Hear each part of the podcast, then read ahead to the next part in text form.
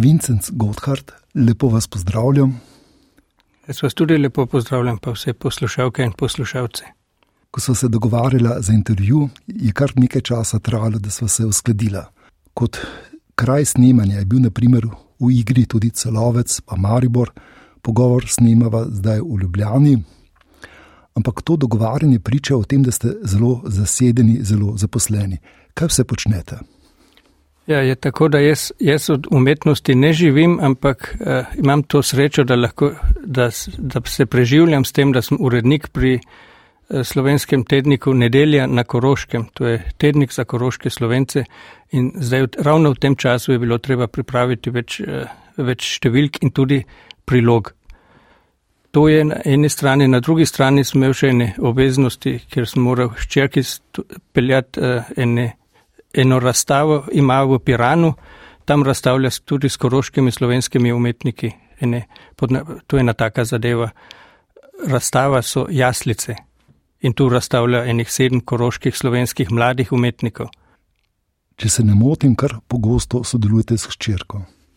Ja, to se je tako zgodilo, ko sem eh, bil, jaz sem bil nominiran za kresnika, to je bilo leta 2021. Hčerka pa je v istem času bila izbrana, da bere za prestižno nemško literarno nagrado Ingeborg Pachmann. In seveda to pač ljudje tudi opazijo, ti, ki prirejajo prireditve in se je pač zgodilo, da so rekli, kaj pa če bi oče pa hčerka kdaj brala ali pa tudi razstavljala, ker ona je pravzaprav uh, je študirala na Univerzi za uporabno umetnost na Dunaju, jo letos tudi zaključila in je tudi ona je piše in eh, fotografira. V Ljubljano ste prišli z avstrijske koroške, kje ste odraščali, kje ste se rodili, kje živite, kje ustvarjate. Doma sem v Dulah, v Zilski dolini, to je par kilometrov pred eh, mestecem Šmohor. In tam sem tudi doraščal, to je vas, kjer živijo tako slovenci kot tudi nemci. Eh, živim pa zdaj že več pa 40 let v celovcu. Sem pa zelo tesno povezan z Zilsko dolino, doma mi govorimo še vsi otroki tudi v zilskem narečju. Ja. Tudi hči Verena. Tudi hči Verena govori, govori v zilskem narečju in ima to srečo, da se lahko še pogovarja z babico pa dedejem eh, slovensko. Bi mogoče na moje naslednje vprašanje odgovorili v zilskem narečju? Ja, bom poskusil. Kakšne spomine imate na svoje otroštvo? Česa se najbolj spominjate? Ja, to je bilo zelo lepo, ker smo doma lahko delali, kar smo, kar smo teli. Pri nas doma televizije ni bilo, je tudi še nes ni doma uh, televizije, pa tati pa mama še nes ne gledata televizije. Kaj pa knjige so bile? Knjige so pa v naši hiši vedno bile, to so bile mohoreve knjige. Eh, ki so prihajale kot knjižni dar in ena posebna knjiga je tudi še bila doma, to je pa od Vinko Mödendorferja, to so te pripovedke, ki jih je pisal. In ta Vinko Mödendorfer je doma, iz, eh, ki je te pripovedke pisal iz moje vasi doma, je bil potem uh, prišel v Slovenijo, šel v Slovenijo in je tu doživel eno tragično usodo, na zadnje je, je prišel celo na goli otok. Ta je iz moje vasi doma. No. Ste sami brali knjige kot otrok, že vam je kdo bral, mogoče mama, oče? Na knjige smo vedno brali in jaz vem, da so se mama včasih zelo hudovala, ker res sem imel tako uh, žarni, no, žarnico, kak se reče. Baterijo. Baterijo sem imel in seveda je tu bilo treba kar precejkrat baterije kupovati in sem to po noči bral tudi še v posteli. Pod odejo? Pod odejo, ja. Katere knjige ste brali v tistih letih? V tistih letih France Belk je bil bil je Karl Mausar, ja, take knjige, večernice. Se Ivana Cankarja tudi, ja, na klancu. Ste se pozneje še kdaj vračali k tem tekstom, kot ja, odrasel bralec? Ja, Cankarja sem eh, večkrat bral in tudi Martina Kačurja sem večkrat bral, ker sem pisal svojo diplomsko nalogo, ki je pa seveda uh, svojo diplomsko nalogo sem pisal o, o tem, kako so ta, tega Martina Kačurja predstavili v film. To je, to je bila tema moje diplomske naloge. Zdaj nekoliko pripovedujete o tem, kako ste se zbliževali, zbližali s književnostjo. Kako pa ste doživljali likovni svet, bodi si freske, bodi si slike, grafike, kde ste se prvič srečali z njimi? Ja, ker ste me prej vprašali, kako je bilo doma. Eh, pri nas je bilo tako, da, je, da smo doma, smo mi z očetom tudi risali. Smo, pri nas doma je bil papir, pri nas doma so bile barve, so bili svinčniki in to smo pač počeli, ker, ker drugega ja ni bilo. Diskotek ni bilo v naši vasi, tu si moral daleč iti in smo pač te stvari delali. In tega se spominjam in uh, vem, da je doma cel kup mojih risb še nekje, cel kup risb od očeta in tudi uh, cel kup risb od brata. In samo to, če mu da, povem, moj brat je mu ime Petr Gotthard, ta je kipar, ta dela velike lesene kipe in je že po celem svetu tudi uh, delal, ustvarjal na takih simpozijih in nekaj časa je živel tudi v Mehiki. Kaj ste risali oziroma barvali? Ja, mi, smo delali, mi smo delali s črnilom, s tušom. Uh, ta, ja, to smo delali doma in ja, to je pač bilo. Večkrat, na, večkrat se je to zgodilo, da je potem mama morala čakati, da, da, da je bilo uh, s kosilom je morala enostavno čakati. Če bi jaz vprašal, kaj ste, ste pisatelj ali slikar, kako bi odgovorili? Torej, če, uh, moj, moj namen je, jaz moram nekaj umetniškega ustvarjati. Ampak od vsega začetka sem jaz ja želel biti uh, umetnik, to sem od vsega začetka želel se pa potem ni išlo, ker, ker uh, smislu, uh, če ti sprejemnega izpita ne narediš na Univerzi za uporabno umetnost, takrat je bila še akademija in sem pri sprejemnem izpitu padel, sem pa nekaj pozabil, da moš biti ustrajen. Jaz bi lahko tudi drugič nastopil in potem je pač bilo tako, da, da sem si rekel, no, iz tega nič ne bo.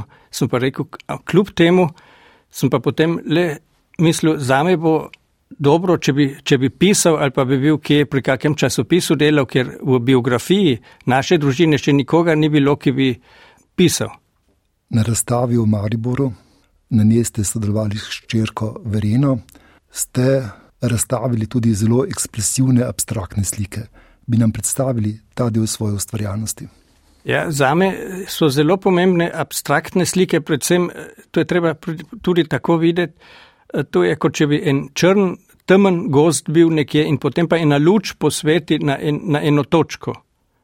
Če to malo povečaš in jo tako eh, abstrahiraš, ali pa da narediš kot en tak detajl iz tega, so to lahko zelo tak močne slike.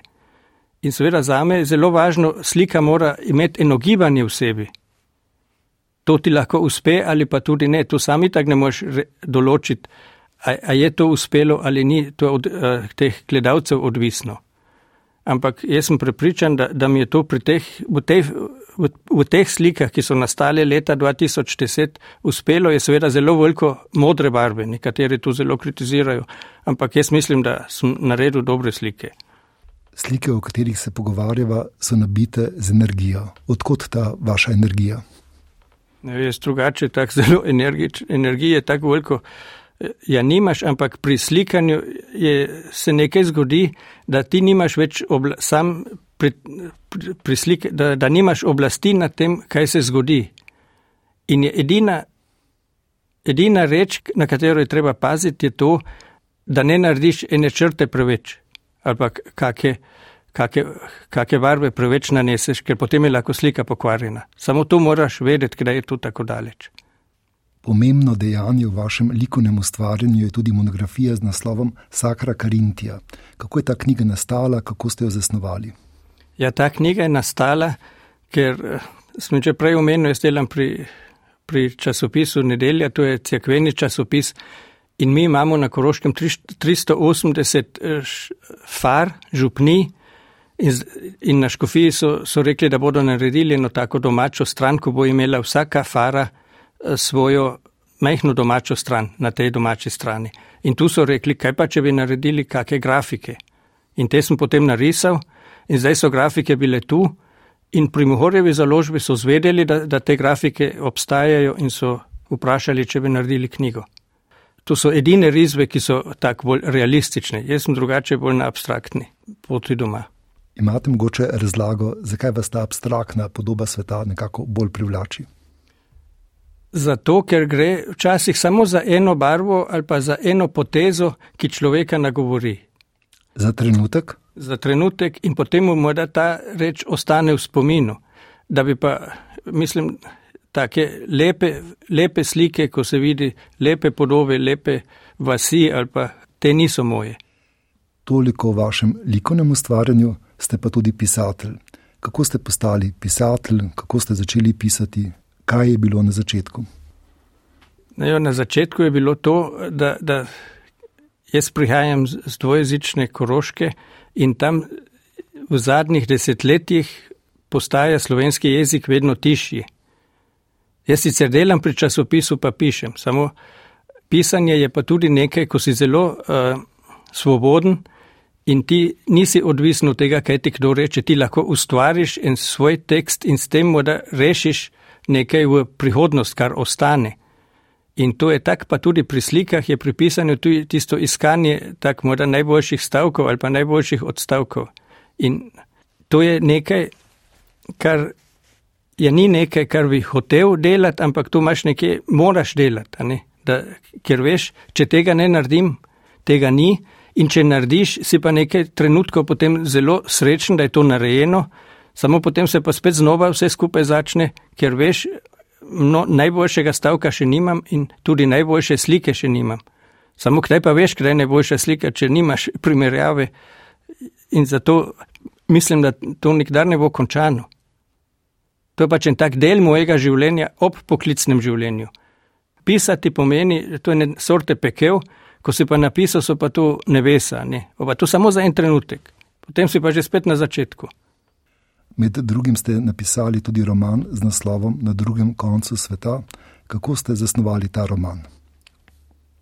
Tu gre predvsem eh, za, tudi za spoštovanje umetnosti in gre tudi malo za umetniški trg, kaj postane uh, velika umetnost in kaj, in kaj potem ni velika umetnost. Tukaj imamo občutek, da razvijate neke vrste, skoraj da bi rekel, teorijo zarote. Kako nekdo uspe kot umetnik in kdo je tisti in kdo mu pomaga do uspeha, in tako dalje. Kot da ta trg z umetninami ni pošten, ni pravičen, ampak da je nekako krivičen. Tako občutek sem imel ob branju vašega romana.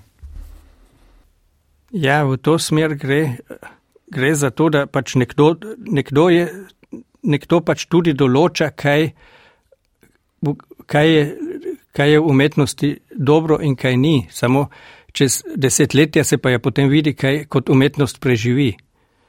Uh, morda, je, morda je treba še to omeniti, da bi mladi ustvarjalci potrebovali predvsem veliko javnosti, da svoja dela predstavijo in tudi veliko uh, takih, ki jih spremljajo, da jim rečejo, tako gre, tako ne, ki imajo takeno vizijo, kaj bo obstalo v prihodnje kot umetnost. Ko ste ustvarjali svoj prvi roman, ste bili, se upravičujem, nekoliko že v srednjih letih, ste imeli v bližnjih neke vrste podporo, so vas brali, so vam sporočali, kaj je v romanu v redu, kaj mogoče ni. Ja, nekateri so, so se čudili, eh, kaj je tu napisanega. Eni so pač bili mnenja, da sem jim noči kradel, ker so brali, drugi so pa, so pa rekli, da je to ena mojstrovina, ampak sam ne vem, vsak to po svoje vere. V tem romanu je tudi zanimiv odnos vašega romanesknega junaka do doma. Kakšen je ta odnos do doma? Je ambivalenten, če ja, zakaj? Je to dom, mu, mu je sveta stvar, predvsem zato, ker spoštuje to, kar so uh, predniki delali in seveda spoštuje tudi uh, ta, ta, ta jezik ali pa neke te stvari, ki pač izginjajo. Tu mi imamo pri kmetih marsikaj izginja in tudi kmetje izginjajo, ampak ostajajo taki drobci, ki so pa vredni vsega spoštovanja, tudi pa to so svete stvari. Na te smo hotel upozoriti in da, da je v tem, da je kakšne stvari vedno manj, lahko tudi postanejo vedno dragocenejše. Za vaš roman je značilno tudi to, da ste si kot avtor izbrali zelo zanimivo pripovedno taktiko. Marsikatero ime izpustite. Tako da je pravzaprav bralec v nekem svetu nekoliko zabrisanih koordinat. Ja, tu v, v tem romanu gre ja za eno glavno zgodbo, to je tisto tisti umetnik, ki je ki ni nikdar mislil, da bodo njegove slike najpomembnejše v najpomembnejšem muzeju in se jih bo ukradlo. Na drugi strani je pa, je pa, je pa na nit zgodb od še več oseb, ki pravzaprav zgubljajo vse to, kar, kar imajo, da vsega, vsega tega, kar imajo, postaja vedno manj.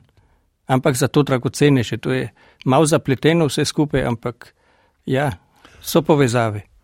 Ampak te teme niste nekako potegnili iz oblakov, ampak je vaša osebna, intimna zgodba.